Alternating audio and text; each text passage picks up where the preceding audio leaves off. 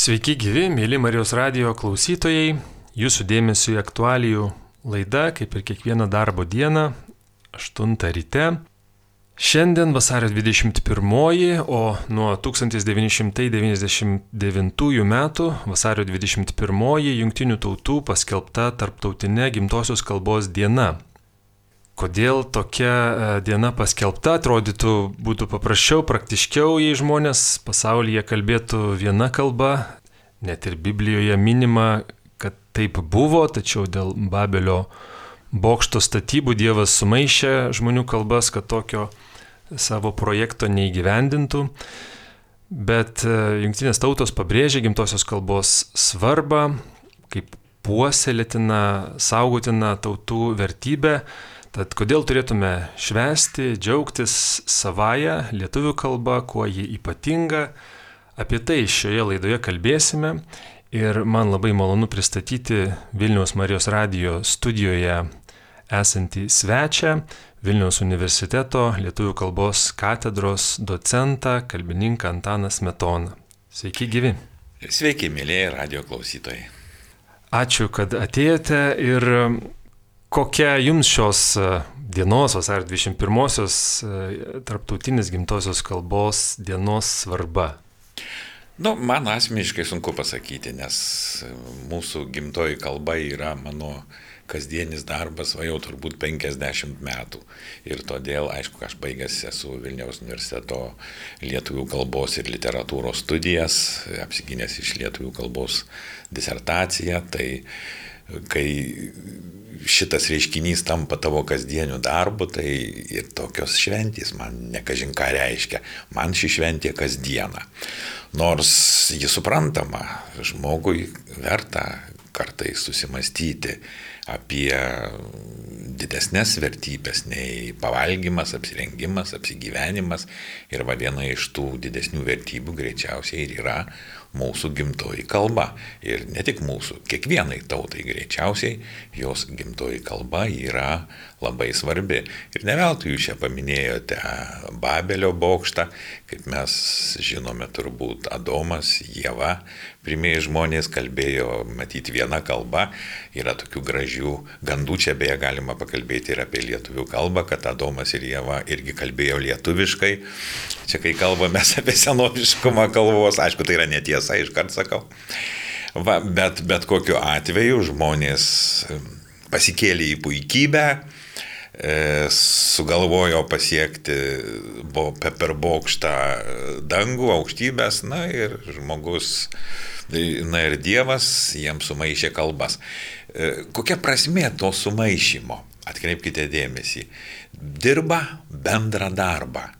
Ir jeigu nėra bendros kalbos, nėra ir bendro darbo. Nereikėjo nei kaip ant Sodomos ir Gomoros leisti, taip sakant, visokiausių e, nelaimių, perkūnijų ir griausmų, nereikėjo dar kokių nors baisybių sugalvoti, nieko, pakako vieno dalyko - sumaišy kalbą ir sumaišysi žmogui darbą, jo mintis, jo apskritai egzistenciją. Tai va, gimtoji kalba kiekvienam yra svarbi. Aišku, kodėl čia dabar mes vieną kalbą nekalbame ir nereikia, ir, ir ar nevertėtų grįžti prie vienos kalbos. Ir mes matome kartais pasaulyje tokie dalykai ir darosi, dabar taip baisu truputį žiūrėti, anglų kalba įsigali, nu ir atrodo, kad čia taip jau ir bus visada. E, bet taip atrodo tik tam, kuris nemato plačiau mūsų istorijos. Juk iš tikrųjų buvo laikai, kai Lotynų kalba buvo pasaulinė kalba, visas žinomas Romos imperijos pasaulis buvo lotyniškas. E, toliau buvo mm, prancūzų kalba, buvo mokslui vokiečių kalba. Žodžiu, tų pasaulinių, tų dominuojančių kalbų, tarptautinio bendravimo kalbų, jų buvo pačių įvairiausių ir jos pasikeitė. Lygiai kaip, manau, ateis toks laikas ir pasikeis ir anglų kalba. Kaip čia yra toks pasakymas optimistai mok, šitie pesimistai mokosi anglų kalbos, o optimistai arba realistai jau šiandien mokosi kinų kalbos. Na, nu, aišku, čia yra irgi pajokavimas, bet tas įėjimas į atgal, į prieš babelinę būsena, mano galva, žmonėms e, negali pasisekti, ta kalbų įvairovė buvo ir bus, ir kiekvienai tautai, kiekvienam kalbėtojui savo gimtoji kalba, nepamirškime, mes be gimtoji kalba mes sakom motinos kalba ir beje anglų kalba šita šventė šitą minėtiną dieną taip ir vadinasi International Mother Tongue Day, mhm. tai yra motinos kalbos diena. Va tai kas yra žmogui svarbiau už jo motiną. O kuo skiriasi gimtoji kalba, motinos kalba nuo labai gerai įvaldytos, išmoktos užsienio kalbos kokios nors? Ar, ar, ar vis tik turi ta, tas, ta pirmiausia išmokta kalba kažkokią svarbą iki pat žmogaus gyvenimo pabaigos? Pastaraisiais metais daug kalbama, rašoma, tyrinėjimų yra apie dvikalbystę. Ir mokslininkai pripažįsta, kad toks dalykas egzistuoja, kad yra šeimų, kuriuose nu, dabargi tų tarptautinių šeimų susikuria daug, todėl yra visokių šeimų, kuriuose vaikas auga dvi kalbis, tarkime, tėtis kalba viena kalba, specialiai, mama specialiai kita ir jis neva idealiai išmoks tą kalbą. Taip, tokių vaikų raida yra truputį kitokia. Bet suma sumarum, man atrodo, kad e, viena vertus e, tas antrosios kalbos išmokimas toks pat kaip gimtosios kalbos iš principo gal ir gali būti, bet vis dėlto gyvenime, kasdienybėje toks reiškinys mūsų sąmonėje neegzistuoja. Mes esame viena kalbiai padarai. Ir jeigu gyvenimas lemia tai, kad mes darbe, tarkime, kalbame angliškai, namuose lietuviškai, nu, taip susiklosto, visai gali nutikti, arba darbe E, angliškai, į mokyklą ar universitetą nuėjęs pasilavinti lietuviškai, namuose lenkiškai, visai čia gali būti, ne trys kalbos, keturios kalbos gali būti, bet tai jos egzistuoja tam tikrose skirtingose socialinėse sąlygose. Jeigu mes į vienodas sąlygas pastatysime, pavyzdžiui, kasdienybėje pradėkime vartoti dvi kalbas - anglų, lietuvių ir paaiškės vis dėlto, kad viena iš jų nukonkuruoja, silpsta ir tokio lygiavertiškumo jų nėra. Ir tyrimai rodo, yra pastebėta taip normaliam bendravimui, darbui, svetimą kalbą, jeigu net ir nedvikalbis nuo mažumės, o vėliau išmokęs svetimą kalbą, gali ją gana tobulai išmokti, bet vis dėlto tų niuansų kalbinių, jausminių, kuriuos tu gali perduoti savo gimtają kalbą, išmoktą kalbą, nieko, niekada to nepadarysi. E, juk ir sakome, kad gimtoji kalba arba motinos kalba yra įsisavinama, o užsienio kalba yra išmokstama. Tai yra labai skirtingi dalykai. Kas mus mokė gimtosios kalbos? Nu, galim taip su protu su, išmastyti. Mama išmokė. Nieko jį nemokė. Ji mus su mumis kalbėjo, ji mums niuniavo, lopšinės dainavo ir viskas. To ir užteko, kad mes čia poetiškai su motinos pienu sugertume šitą gimtają savo kalbą. Kartais pasigirsta, lietuviai pagyvenę užsienyje pasisako, kad jau masto angliškai. Taip. Tai ar, ar mintis nu, tai vat, kalbas? tai va čia mano galva ir yra pagrindimas tos minties, e, kurią čia ką tik aš pasakiau, kad vis dėlto jeigu vienodose socialinėse aplinkybėse atsiduria dvi kalbos, viena būtinai traukiasi į antrą planą. Ir todėl tas mąstymas, aš pavyzdžiui, tarnavau dviejus metus sovietiniai kariuomeniai ir po dviejų metų tarnybos sutikau žmogų, lietuvį, žemaitį, kuris lietuviškai jau nekalbėjo. Ką aš su juo kalbu, jis suprato, atsakinėdavo rusiškai ir nebemokėjo. Tai yra dviejai metai padarė šį dalyką. Aišku, čia yra turbūt e, išimtis, čia turbūt yra psichologinis žmogaus e, tipas toks, kad taip nutiko, bet e, apskritai tai mąstymas kita kalba randasi. Ir tai rodo, kad pradeda dominuoti kita kalba. Apskritai, mąstymo ir kalbos santykis yra labai įdomus. Žmogus, be to, kad jis turi sielą, nuo gyvulio skiriasi pirmiausia tuo, kad jis turi kalbą. Niekas, mes gyvūnai, čia su tuo reikia sutikti. Jeigu pažiūrėtume ten konstrukcijas, evoliucijos teorijas ir panašiai, nieko čia nei blogo, nei gero, esame gyvūnai, kurie išsiskiria iš visų gyvūnų dieviškąją dovaną kalba. Va ir todėl, todėl tas kalbos buvimas, tas išskirtinumas, jis negali būti nesusijęs su sąmonė. Čia mes truputį, mano galva, esame atsilikę nuo sąmonės tyrimų. Bet man atrodo, kad einama ta kryptimi, kad mes pripažinsime, kad kalba ir sąmonė yra tiek artimi, kad aš drįstu tvirtinti, kad kalba yra mąstymo įrankis. Kalba yra mąstymo įrankis, jau kaip matot pasakėt, mastau jau angliškai.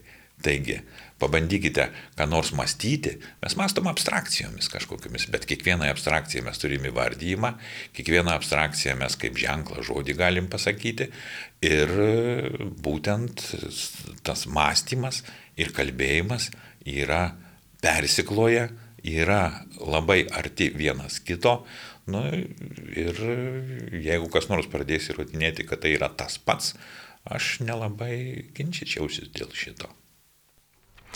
Mėly Marijos radio klausytojai, šiandien aktualijų laidoje kalbame su Vilniaus universiteto lietuvių kalbos katedros docentu Antanus Metona.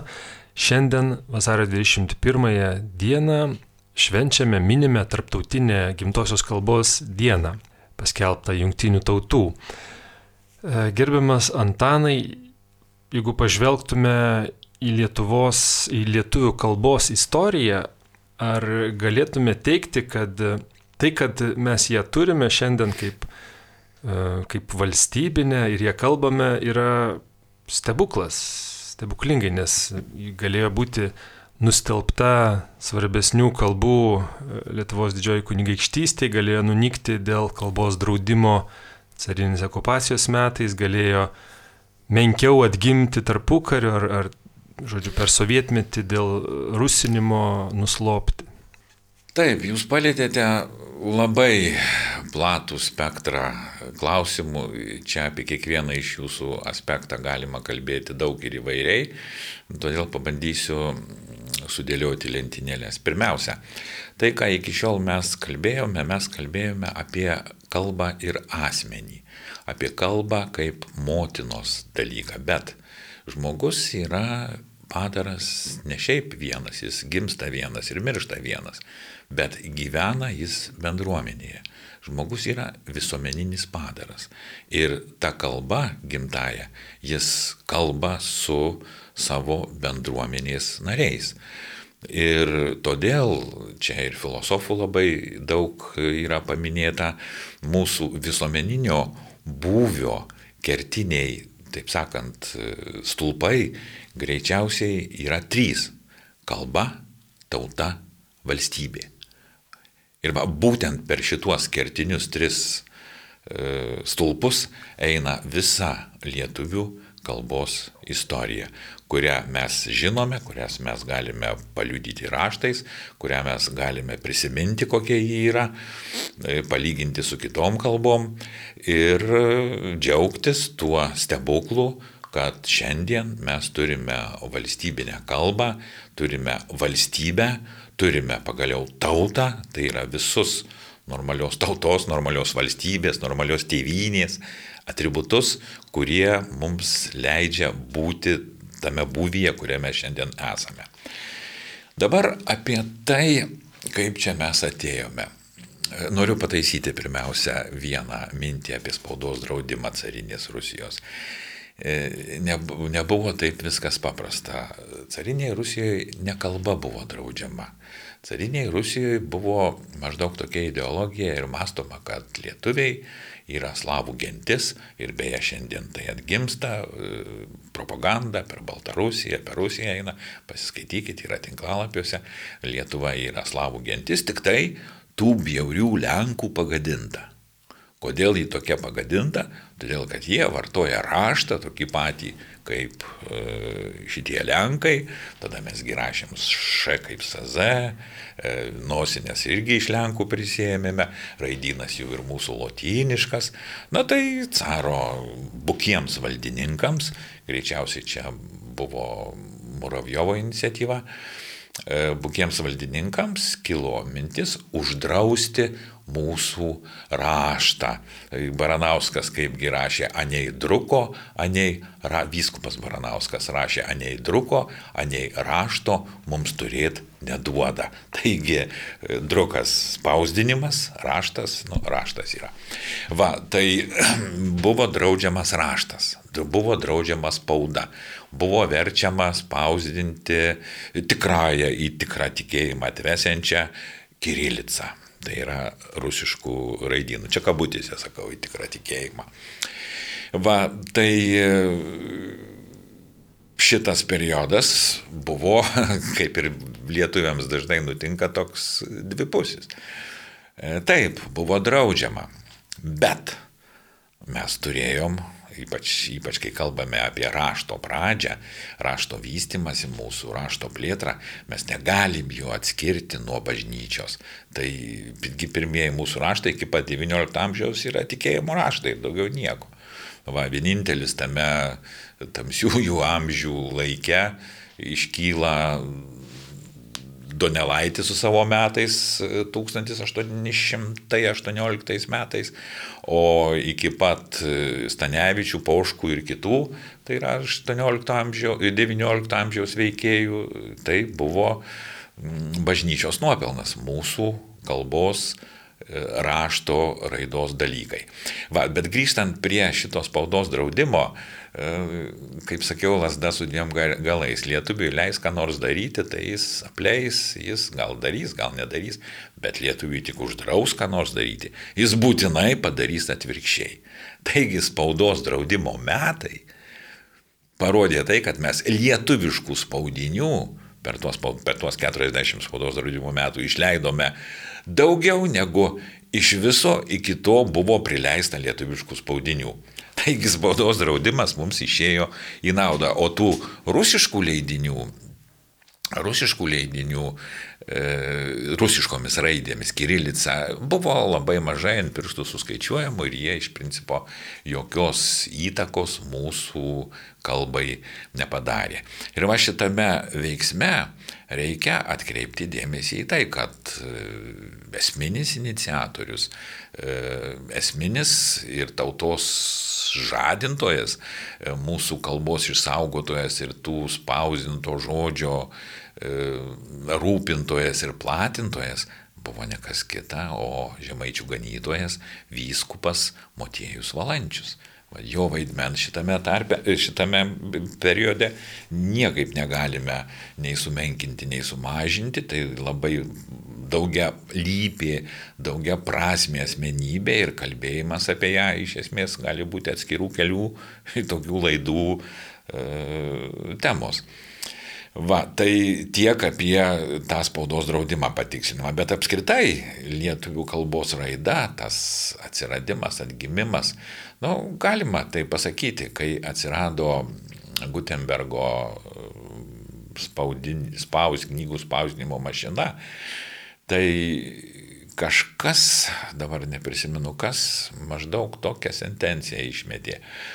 E, kalba, kuri nepateks į knygą arba kalba, kuri nepereis per Gutenbergo šitą išradimą, ta kalba nunyks. Ir iš tikrųjų mes matome per daug e, kalbų, tautų, kurios turėjo įvairias kalbas iki 20-ojo amžiaus nuo tos knygos spausdinimo išradimo atėjo e, būtent tos, kurios išsileido Bibliją, kurios prisileido savo gramatiką, žodynus, pradėjo spaudą ir taip toliau. Kitos kažkur nyko, nyko, nunyko ir taip toliau. Lietuvių kalbos likimas per visą šitą metą iš tikrųjų nebuvo labai šviesus.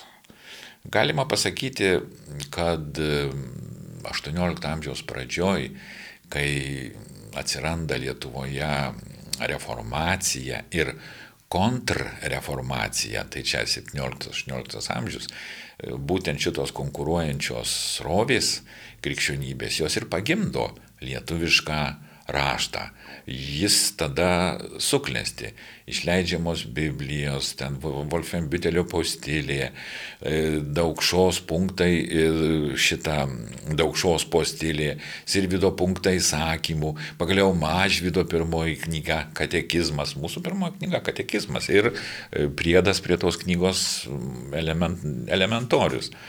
Va, tai todėl šitas suklestėjimas atsiranda, krikšto prieimimas, aišku, visą tai lemia. E, ir po truputį, po truputį dėl susiklostančių nepalankių aplinkybių, o tos nepalankios aplinkybės greičiausiai mums buvo, nu čia lasda su dviem galais vėl, tai unija su Lenkija, E, nuolatiniai plėšimai iš kaimininių valstybių, ypač prisimenam e, Tvaną e, švedmetį, ypač prisimenam Rusijos 1650 kažkėlintų metų užėjimą ir Vilniaus sudeginimą ir taip toliau. Ir nuo to pradeda valstybė po truputį degraduoti, kol 19-18 amžiaus sandūroje iš vis patenkame dalis Lietuvos Rusijos žinion, dalis Prūsijos kunigaikštystės žinion. Tai yra, prarandame savo valstybę ir prarandame, po truputį pradedame prarasti kalbą. Tauta, kalba, valstybė. Valstybės nėra, mes irgi po truputį ir tuliuojamės.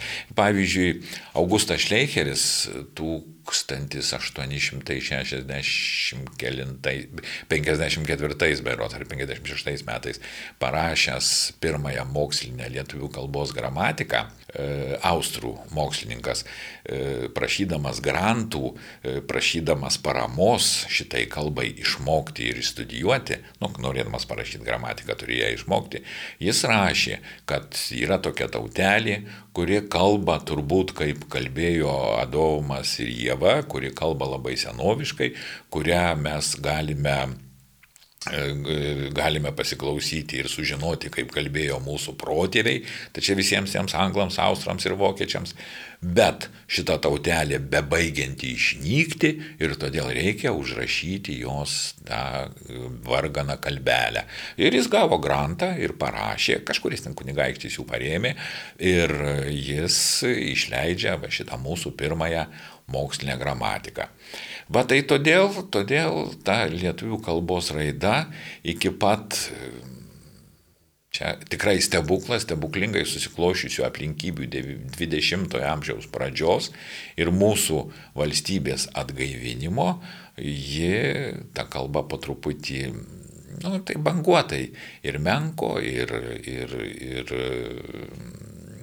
klėstėjo, buvo visų, buvo visokių periodų, bet ačiū Dievui sėkmingai atėjome į 20-ojo amžiaus pradžią, kur iš tikrųjų lietuvių kalba įgyja visas valstybinės kalbos teisės, įsiveržia į visas mūsų gyvenimo e, sritis ir funkcionuoja kaip viena iš sėkmingiausių pasaulio kalbų. Yra toks tinklalabis, nežinau kaip ištarti, čia prancūziškai reikėtų, bet užrašytų, geriau pasakysiu paraidžiui, jeigu, jeigu mėly klausytojai nori, gali pasižiūrėti etnologue.com. Tai va, tame tinklalapyje yra aprašytos visos kalbos e, pasaulio ir to pagal to tinklalapio duomenys pasaulyje yra daugiau kaip 7000 kalbų. Tai va iš tų septynių, tų, ir, ir tos kalbos yra apibūdintos. Jie ten įsivedė savo matavimo skales, e, kalbos sėkmingumo, ten kiek vartoja žmonių, kaip vartoja, ar visos gyvenimo sritys apimtos, ar mokosi, ar anūkai kalba, ar yra literatūra ir panašiai. Va, bet pagal visus šitus parametrus pamatuota ir nustatyta, kad iš tų 7000 kalbų lietuvių kalba yra pirmajame šimtuke. Tai yra tarp 5-3 procentų geriausiai besilaikančių ir didžiausių pasaulio kalbų. O mes linkę amžinai nusidėjuoti, nusižeminti, kad čia mes mažiukai, kad čia ta anglų kalba, čia ta lietuvių kalba, tik tai ir lietuvių kalba galinga kalba. Ir dar be to, e, gal jūs jau esate patikrinęs šitą faktą, kurį man teko girdėti, kad 92 metais UNESCO sudaryta komisija paskelbė, kad pasaulyje gražiausia yra lietuvių kalba. Apie šitą aš faktą rašiau, bet, na nu, kaip čia pasakyti, aš į šitą faktą žiūriu labai labai skeptiškai. Matot, kur yra.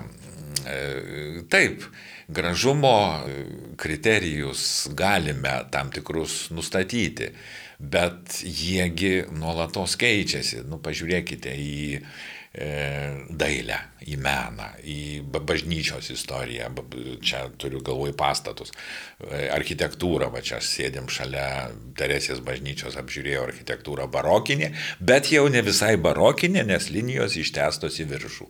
Taigi šimtas metų ir keičiasi supratimas, šimtas metų ir keičiasi supratimas. Taigi, kas yra graži kalba. Daug tai dar balsių. šimtą metų dar bus gražiausia lietuvių kalba. nu, nu, kalbų raidos perspektyvoje šimtas metų kalbai nėra daug, tai čia iš tiesų.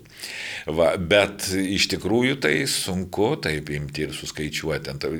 E, Pasakykime taip, mes kalbame e, apie gimtają kalbą kaip motinos kalbą, O ten santykis tarp motinos ir vaiko yra labai paprastas.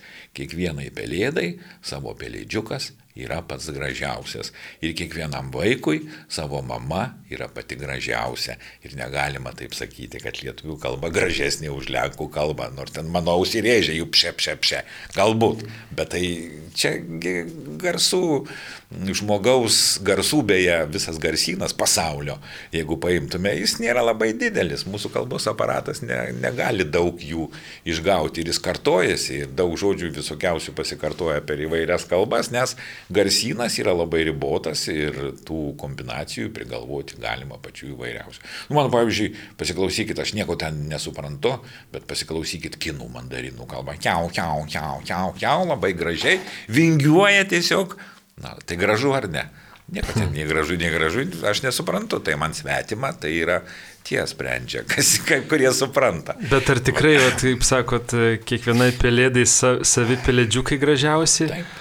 Ar, ar jaučiasi, kad lietuviams, mums toms pelėdoms mūsų kalba yra gražiausia? Ar kartais galbūt gėdėsi, arba nu, dažniau, pavyzdžiui, pavadinimą sugalvoja nelietuvišką savo įmoniai, grupiai ar dar kažkam? Gražiausia, kad lietuviai savo kalbą myli ir ją didžiuojasi, tai kalbų nėra kad taip yra čia tokia bendra tendencija.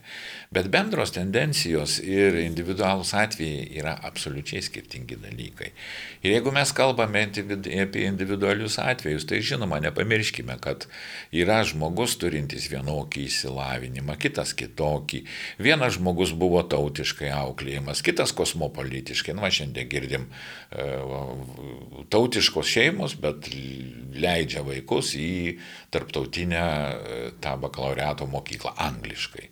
Nu, kad, kad jie geriau šitoj rinkoje būtų. Nors yra tyrimai parodė, ar vaiką parodyk, pradėk mokyti anglų kalbos nuo pirmos klasės, nuo darželio, ar pradėk jį mokyti nuo penktos klasės, devintoje klasėje jie visi kalba vienodai. Va, kur yra pats įdomumas. Tai, tai čia kiekvienas individualus žmogus yra ir ta individualybė reiškia labai įvairiai. Nu, o verslo atvejais, kurį jūs čia paminėjote, tas e, įmonės savo pavadina nelietuviškai, tai čia, man atrodo, yra kaimietiško mentaliteto sindromas. Viskas, kas svetima, yra geriau menko mentaliteto sindromas. Ir jie yra susigalvoję, nu taip verslui patogiau ir geriau. Nu, ka, ka, jeigu tu duodi tokį verslą, kuris yra reikalingas žmogui, tai visiškai nesvarbu, kaip vadinasi tas daiktas. Žmogus pirks ir tas verslas klėsties. Nu, imkim pavyzdį.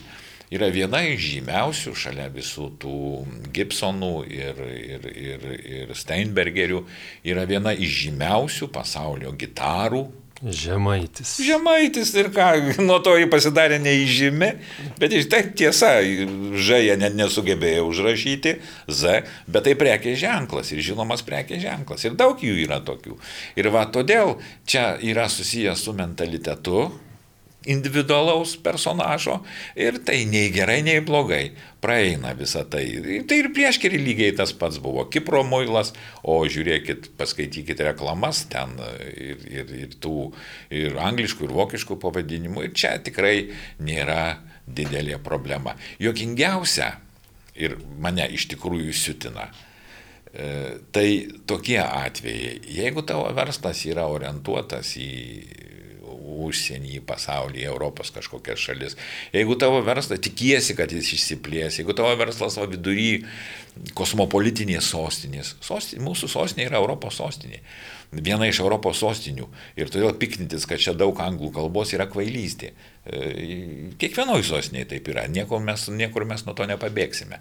Bet nuvažiuoji į kokią nors Plongę, Marijampolę, vietinė įmonėlė, kuri niekada iki Vilniaus net nenueis. Ne, angliškas pavadinimas. O čia yra anegdotas ir nesąmonė. Tiesa, jų ten ir, ir mažiau yra, tai čia mhm. taip. Jūs esate ištaręs, girdėjau, kad dabar lietuvių, lietuvių kalba išgyvena savo aukso amžių. Kodėl? Nu, kas yra aukso amžius? Klestėjimas, geriausi laikai, tai, geriausi negu buvę iki tol. Bet jūs pats ką tik sakėte, lietuvių kalbai buvo ant išnykimo ribos. Iš tikrųjų buvo. E, lietuvių kalba ir yra paliudyta, ir yra žmonės, kurie tai sakė, e, yra enciklopedijose parašyta ir taip toliau. Tų laikų spausintose enciklopedijose, kur aprašo kelionių prisiminimai ir panašiai, iš tikrųjų buvo benykstanti kalba. Todėl jeigu mes norime pažiūrėti į kalbos būvį šiandien, taip neturėtume emocionaliai reikšti, o į mūsų anglų kalba gožė, o į mūsų rusų kalba gožė, dar kažkas ir panašiai. Ne, mes turėtume paimti ir labai racionaliai pasidaryti lentelę ir sudėlioti. Tarkim, 17 amžius, 18 amžius, 19 amžius, 20, 21. Tada kitame stulpelyje visus kalbos reiškimuose ir kalbos veikimo, veikimo požymius. Pirma, spauda yra ar nėra. Literatūra bažnytinė yra ar nėra. Literatūra pasaulietinė yra ar nėra. Valdžios įstaigų kalba lietuvių ar nelietuvių. Nu, vat, sudėliokite tokį 20 kriterijų kokių. E, valstybės valdymo kalba, policijos kalba, teatro kalba, nu ir taip toliau, mokyklos kalba, švietimo. Sudėliokite visus tuos punktelius ir pamatysite, kad jeigu 21 amžius, tai ten visi parametrai tinka lietuvių kalbai, jeigu imsite 18 amžių, nu tai ten daug kas bus ne taip. Imkime 1856 metus prieš sukilimą ir e, šleik, Augusto Šleikerio lietuvių kalbos gramatiką. Nu ir paklauskime, vaikų darželiai buvo lietuviški? Jų iš vis nebuvo. E, mokykla buvo lietuviška? Gal buvo, gal nebuvo. Ne, ne, nebuvo, juk daugantas mokėsi e, šitą lotynišką, universitetas lotyniškas buvo. E, policininkas ar žandaras ateidavo per kuprą duodavo lietuviškai kalbėdamas. Ne. Nu ir taip toliau. Ir dabar žiūrėkit, sustabdo jūs policininkas gatvėje, kaip prasižengėlį ir nubaudžia gražia lietuviška kalba. Gali būti, kad per jo įsilavinimas neleidžia tą blanką užpildyti be klaidų, kokią nors nepraleidžia, bet tai smulkmena. Vis tiek jis tai daro lietuviškai. Va tai todėl mes šitos parametrus pažiūrėję, mes aišku konstatuojame, kad dabar lietuvių kalbai aukso amžius ir tai yra stebuklas. Viskas yra gerai.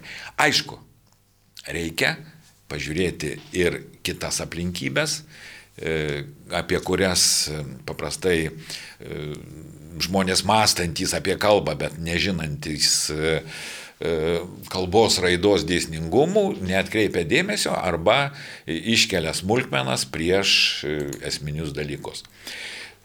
Dažnai mes kalbame apie tai ir giriamės ir didžiuojamės, kad lietuvių kalba yra senovinė kalba viena iš seniausių kalbų.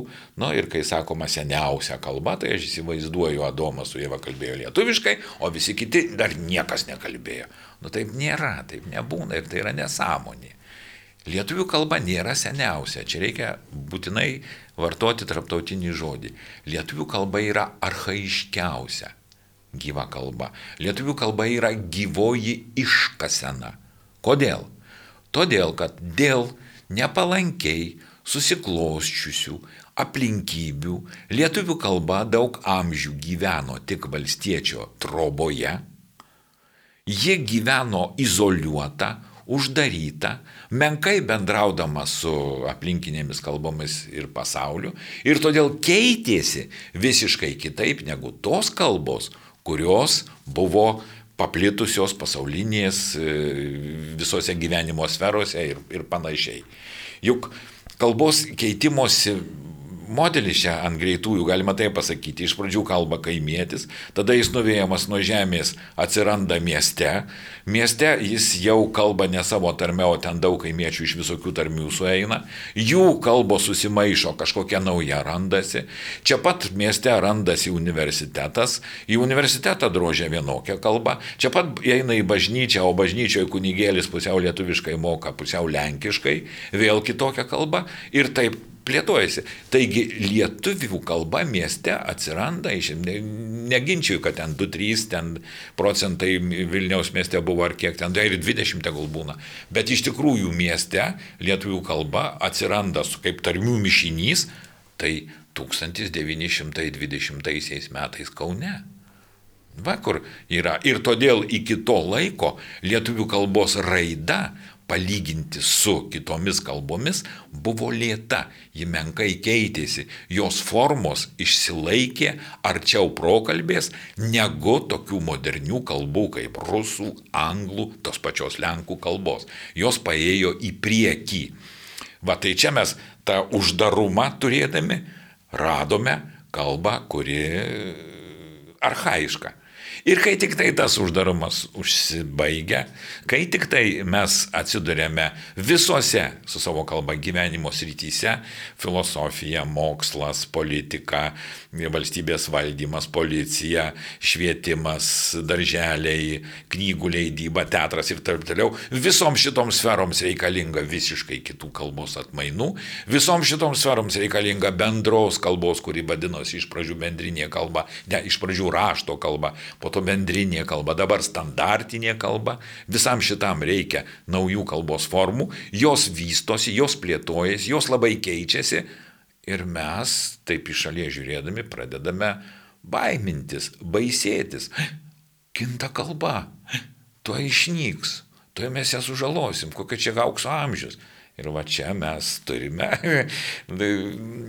kaip pasakyti, nu, tokį prieštaravimą. Jeigu norite, kad kalba nesikeistų, tai ji turi būti arba izoliuota ir neplėtoti jokių stilių, arba mirusi.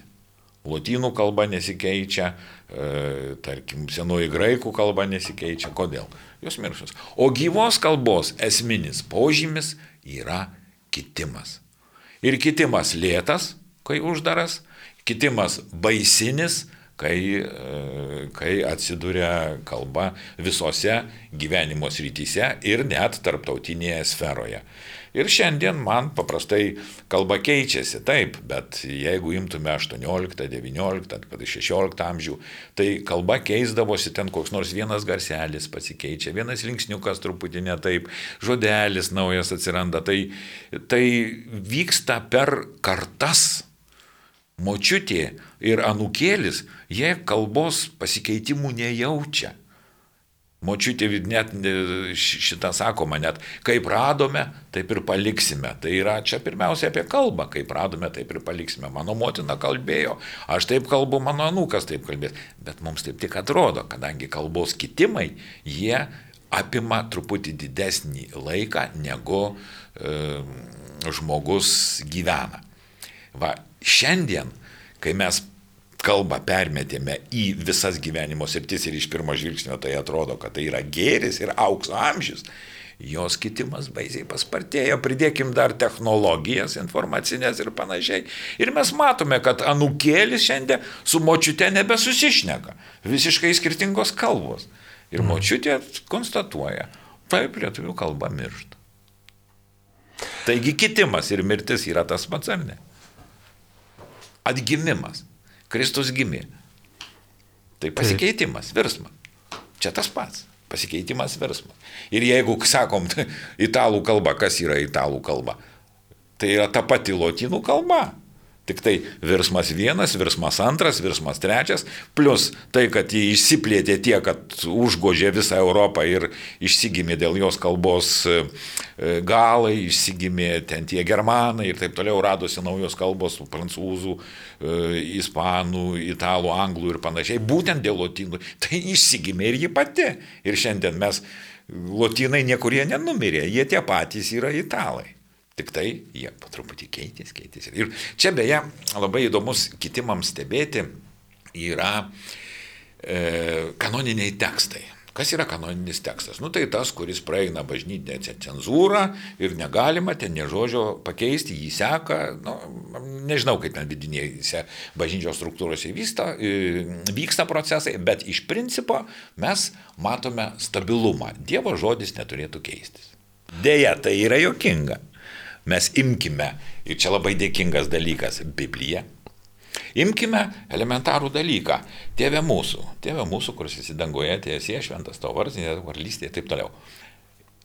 Yra atspausdinta 1900 metais, yra atspausdinta 1800 metais, yra atspausdinta 1600 metais ir yra atspausinta 1547 metais pirmoje lietuviškoje knygoje.